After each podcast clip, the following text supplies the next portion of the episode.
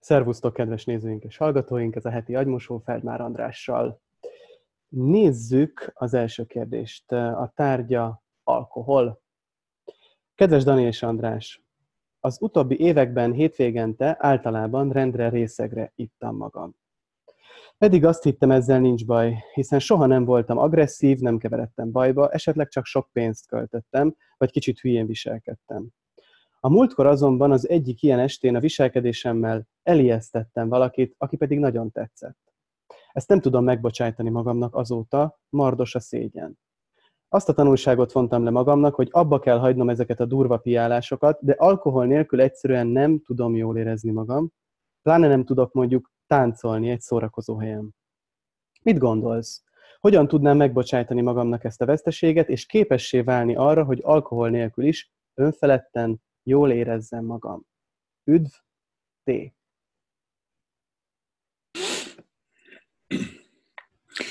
A, az alkohol fájdalomcsillapító, és egy depresszáns. És ez azért fontos, mert mindannyiunknak van egy olyan szenzitivitás, ami vagy, vagy nagyon um, alacsony a küszöb, vagy nagyon magas a küszöb, vagy e, olyan a küszöb, amivel lehet élni. Hogy, hogy ez a küszöb hogy keletkezik? Most ez a küszöb az, hogy, hogy mennyi fájdalomnak kell lenni bennem, mielőtt én megérzem. Ha magas a küszöb, akkor, sokat, akkor sok fájdalmat tudok vinni magamban, annélkül, hogy az zavarjon. Ha nagyon alacsony a küszöb, akkor a legkisebb fájdalom is nekem úgy érződik, mintha óriási lenne. Tehát ez nagyon szubjektív, és nem lehet összehasonlítani.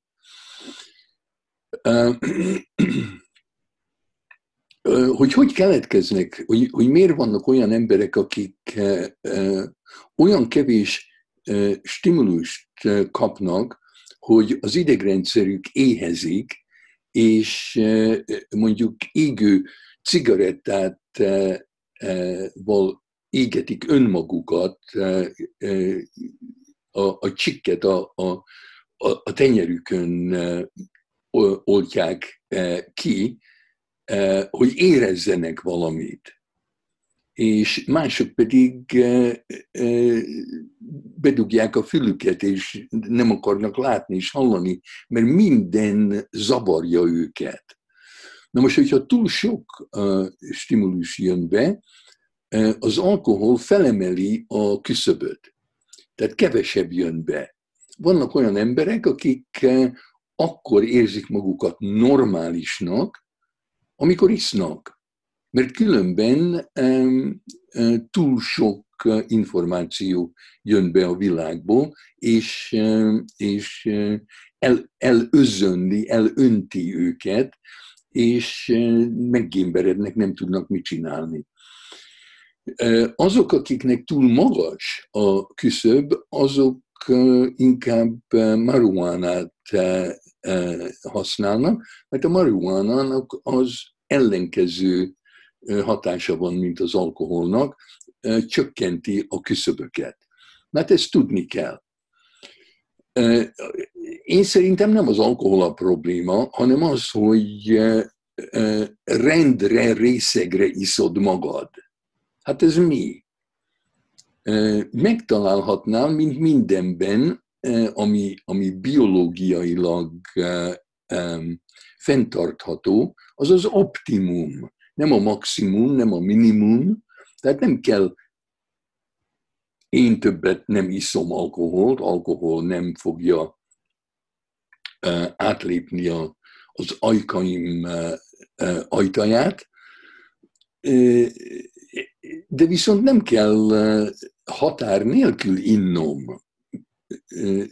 Itt harm reduction nevezik azt a hozzáállást, hogy nem kell abba hagyni az embernek a függőségét, hanem csinálja úgy, hogy ne okozzon kárt.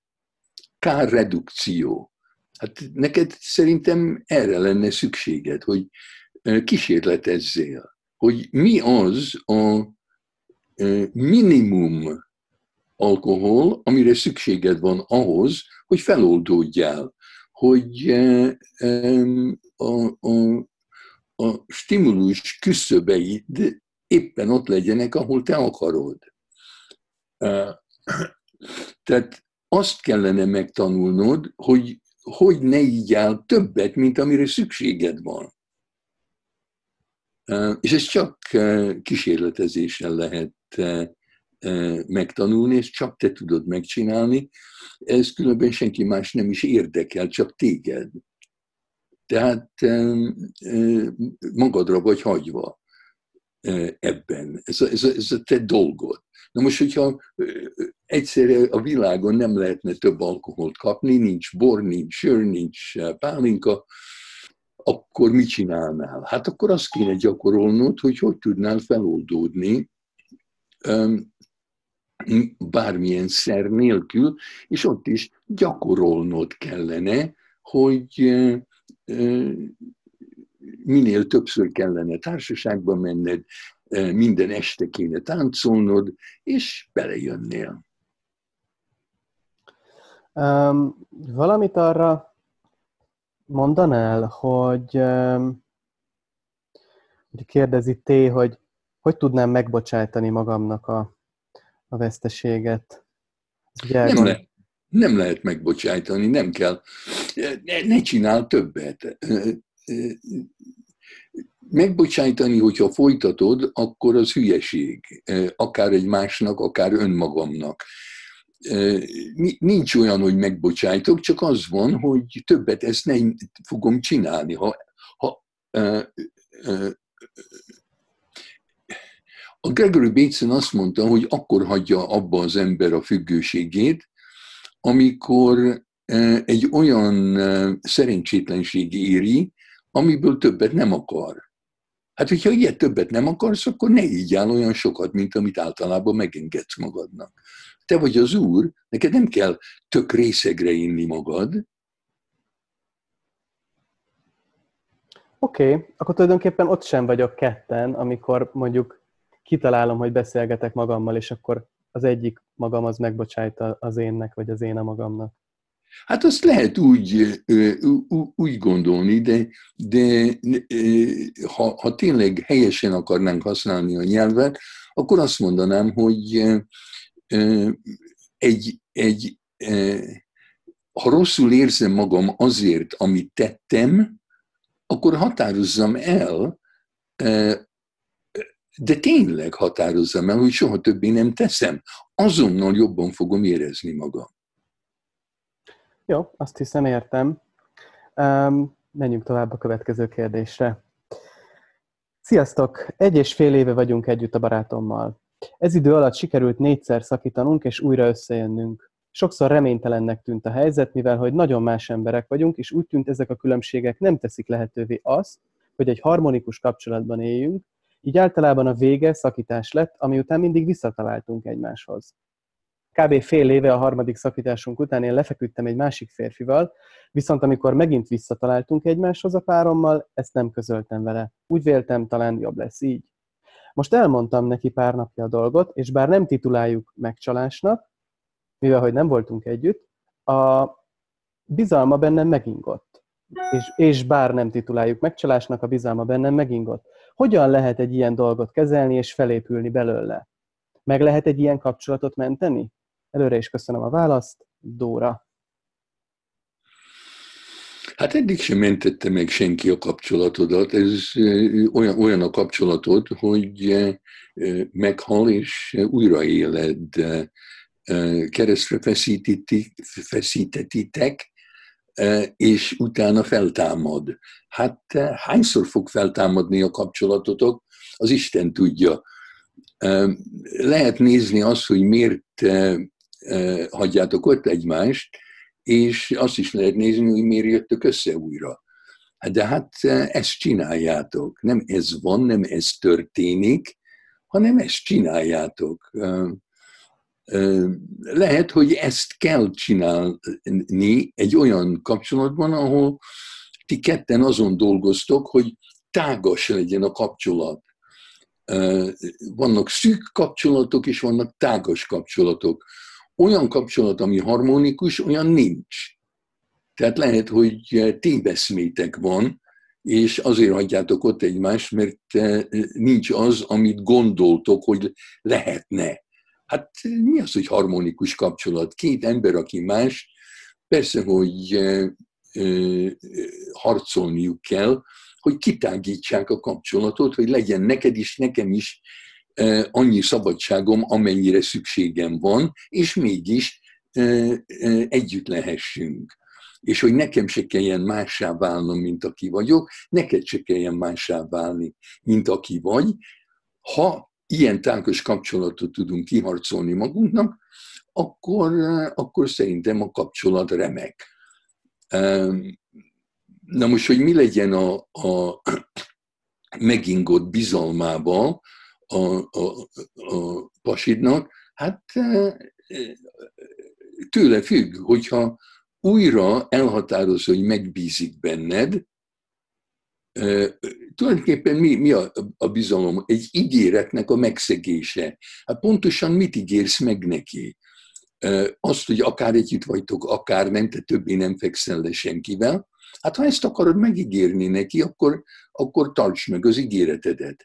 Ha azt akarod megígérni neki, hogy amíg együtt vagytok, addig számíthat arra, hogy csak az övé vagy, jó, hát akkor azt az ígéretet kell megtartani, és a pasidnak meg kell bízni benned újra, bizalmat kell előlegeznie, hogy meg fogod tartani a, a, a, az ígéretedet.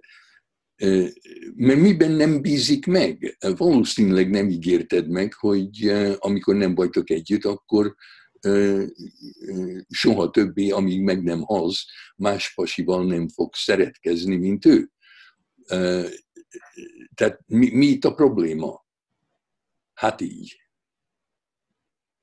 Ja, pont ezen gondolkodtam, de én nekem még nem világos, hogy, hogy ha nem volt egy ígéret, hogy amikor nincsenek együtt, akkor nincsenek másokkal, akkor, akkor a bizalom az, ami megingott, vagy hogy, hogy inghat meg a bizalom, ha nem volt ígéret?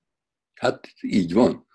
Tehát nincsen, hát mi, mi hogy, hogy ja, hogyha ott hagyom a párom, és ő talál magának egy e, e, e, szexuális e, kalandot, hát akkor miért ne élvezze?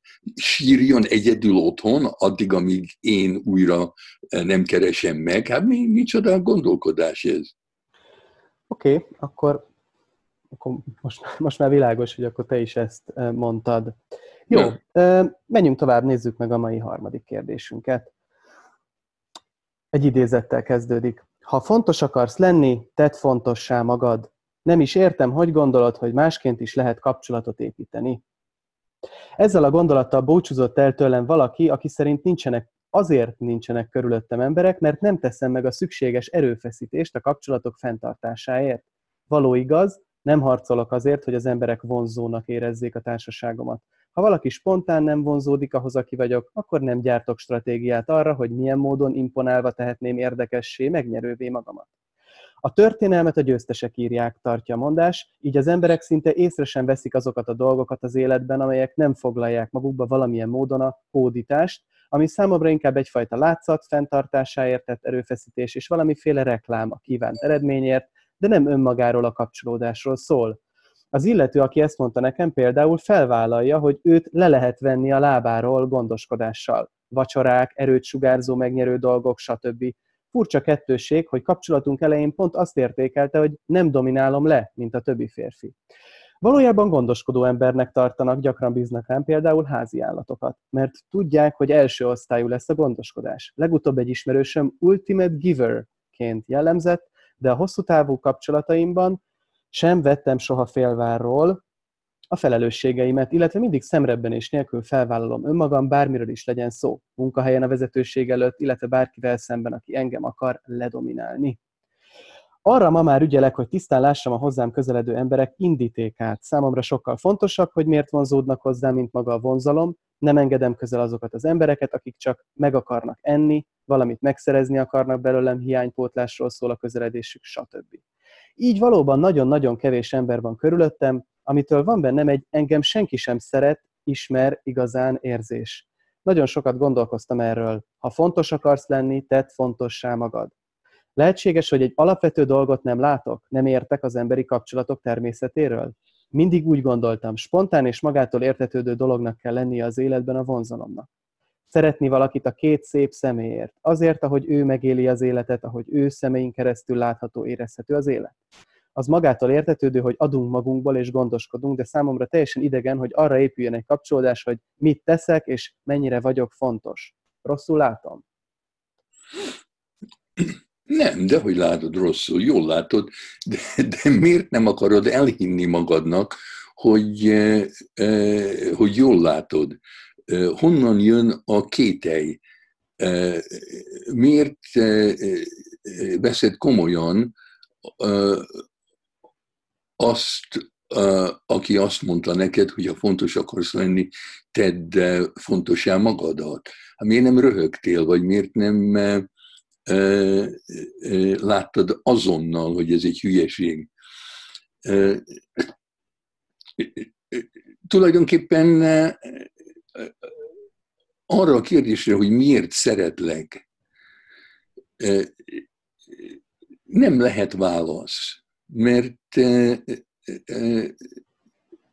a szeretet egy csoda. Vagy van, vagy nincs és mi szeretünk úgy beszélni, mint hogyha mindennek lenne oka, de hogy miért vannak olyan érzéseim valaki iránt, amilyenek vannak, ezt nem lehet megmagyarázni. Amikor egy nővel dolgoztam, aki hat hónapon belül meg akar férhez akart menni, és végül is talált néhány férfit, aki akik érdeklődtek iránta, miután elment velük egy kávéra, mikor újra fölhívták őt, megkérdezte, hogy miért, eh, miért, miért hívsz föl, mi, mi, mi késztetett arra, hogy még egyszer fölhívják. És az egyik azt mondta, mert olyan okos vagy, a másik azt mondta, mert olyan szép vagy, stb. stb. És az egyik azt mondta, hogy halvány gőzöm nincs, de nem tudtalak nem felhívni. Fel kellett hívnom. Az a lehetőség, hogy nem, nem folytatjuk a kapcsolatunkat, fel sem merül bennem. Hát ezzel a pasival folytatta a, a, a kapcsolatát, és most már több éve történt ez, ma is boldogan élnek Hawaii-ban, és minden rendben. Hát ha az embert forszírozzák, akkor tud okokat feltalálni, de tulajdonképpen nincsenek okok. Az, hogy valakit szeressek, arra, hogy ő szeressen engem, az egy manipuláció. És az, hogy én fontos akarok lenni, tegyek olyan dolgokat, hogy én fontos legyek másoknak, hát ez egy manipuláció. Az, az, az, engem se érdekel, nem csak téged. Vannak olyan emberek, akik úgy definiálják magukat, hogy én az vagyok,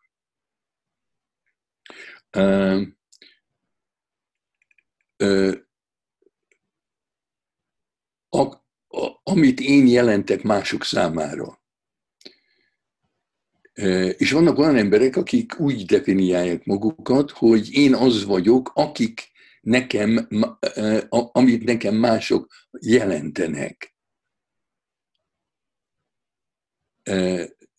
Az, hogyha fontos akarsz lenni, tett fontossá magad, az olyan embereknek hangzik jó, akik akkor érzik magukat fontosak, ha úgy hiszik, hogy más emberek számára ők fontosak.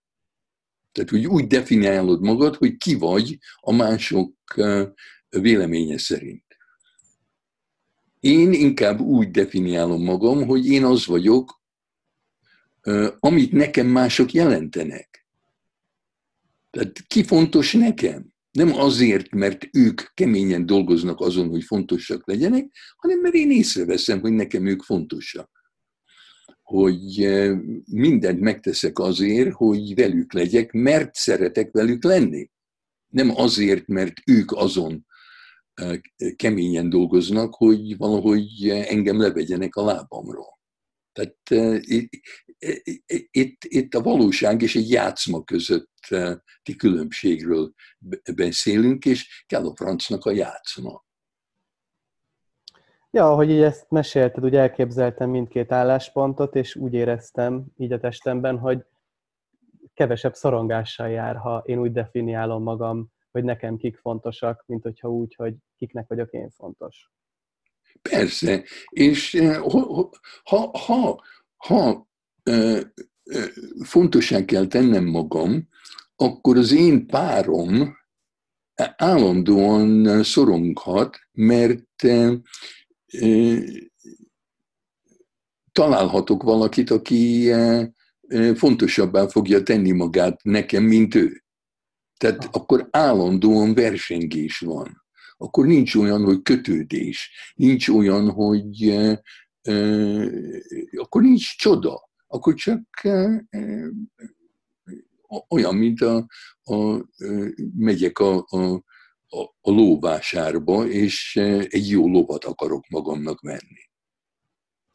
Még van időnk egy negyedik kérdésre, úgyhogy vágjunk bele. Sziasztok! Jó pár részsel ezelőtt írtam nektek a skizofréniámmal kapcsolatban, ha jól emlékszem, a skizofrénia fogságában címmel. András egy tűpontos és kemény diagnózist tolt, miszerint inkább vagyok hülye, mint skizofrén. Igazából csak megköszönni szerettem volna a sugallatot, hogy merre is induljak tovább.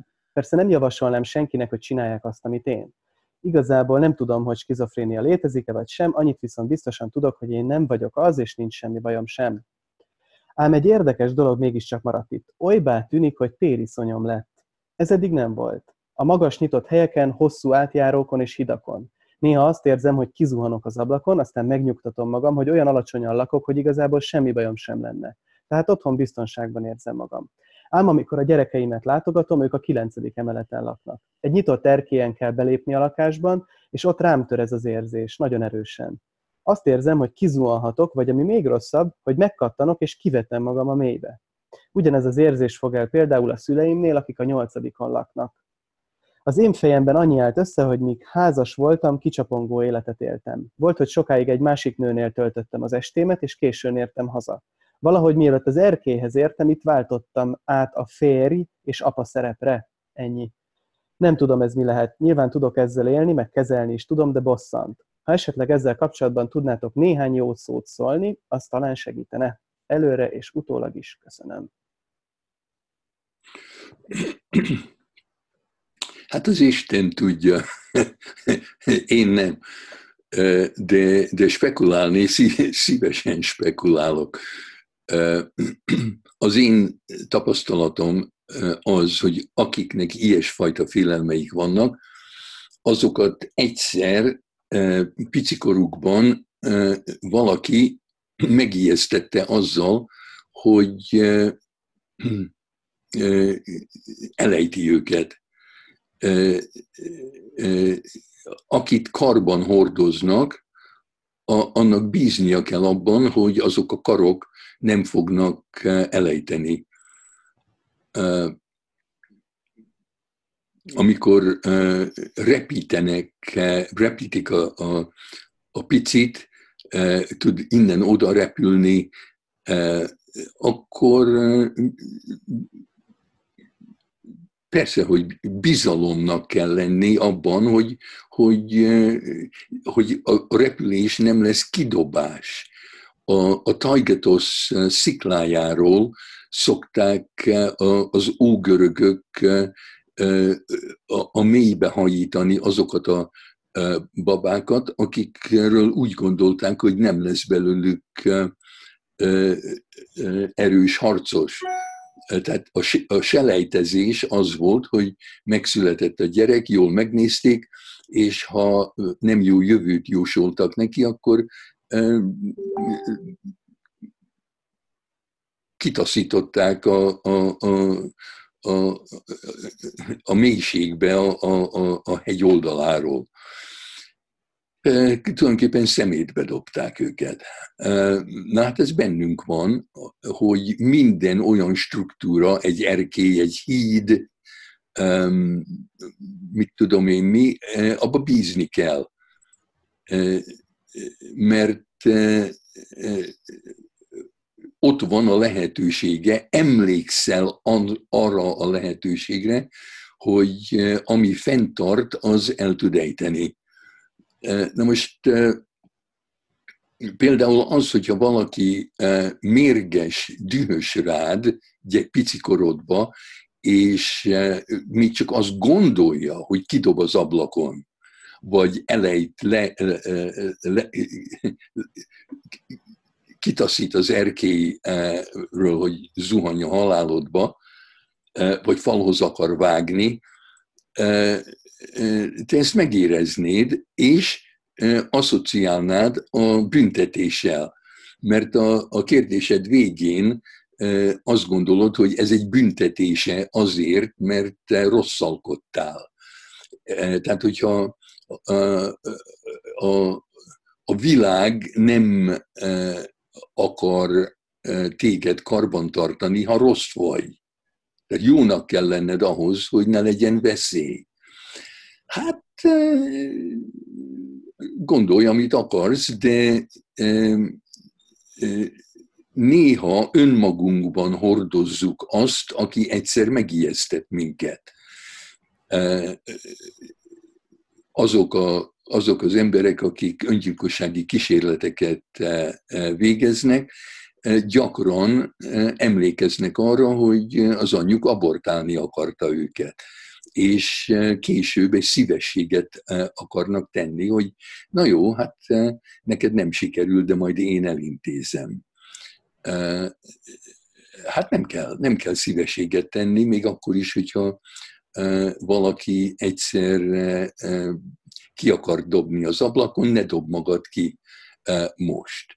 Tehát, hogyha ezt tisztázod magaddal, hogy te élni akarsz, még akkor is, hogyha mások, például a feleséged, meg az anyád, meg mit tudom én ki, remélte, hogy megsemmisülsz, hogy eltűnsz, hogy visszamész oda, ahol, ahonnan jöttél, hát akkor nem kell szívességet tenni senkinek, hanem éljél a magad módján. Ez jó végszó volt.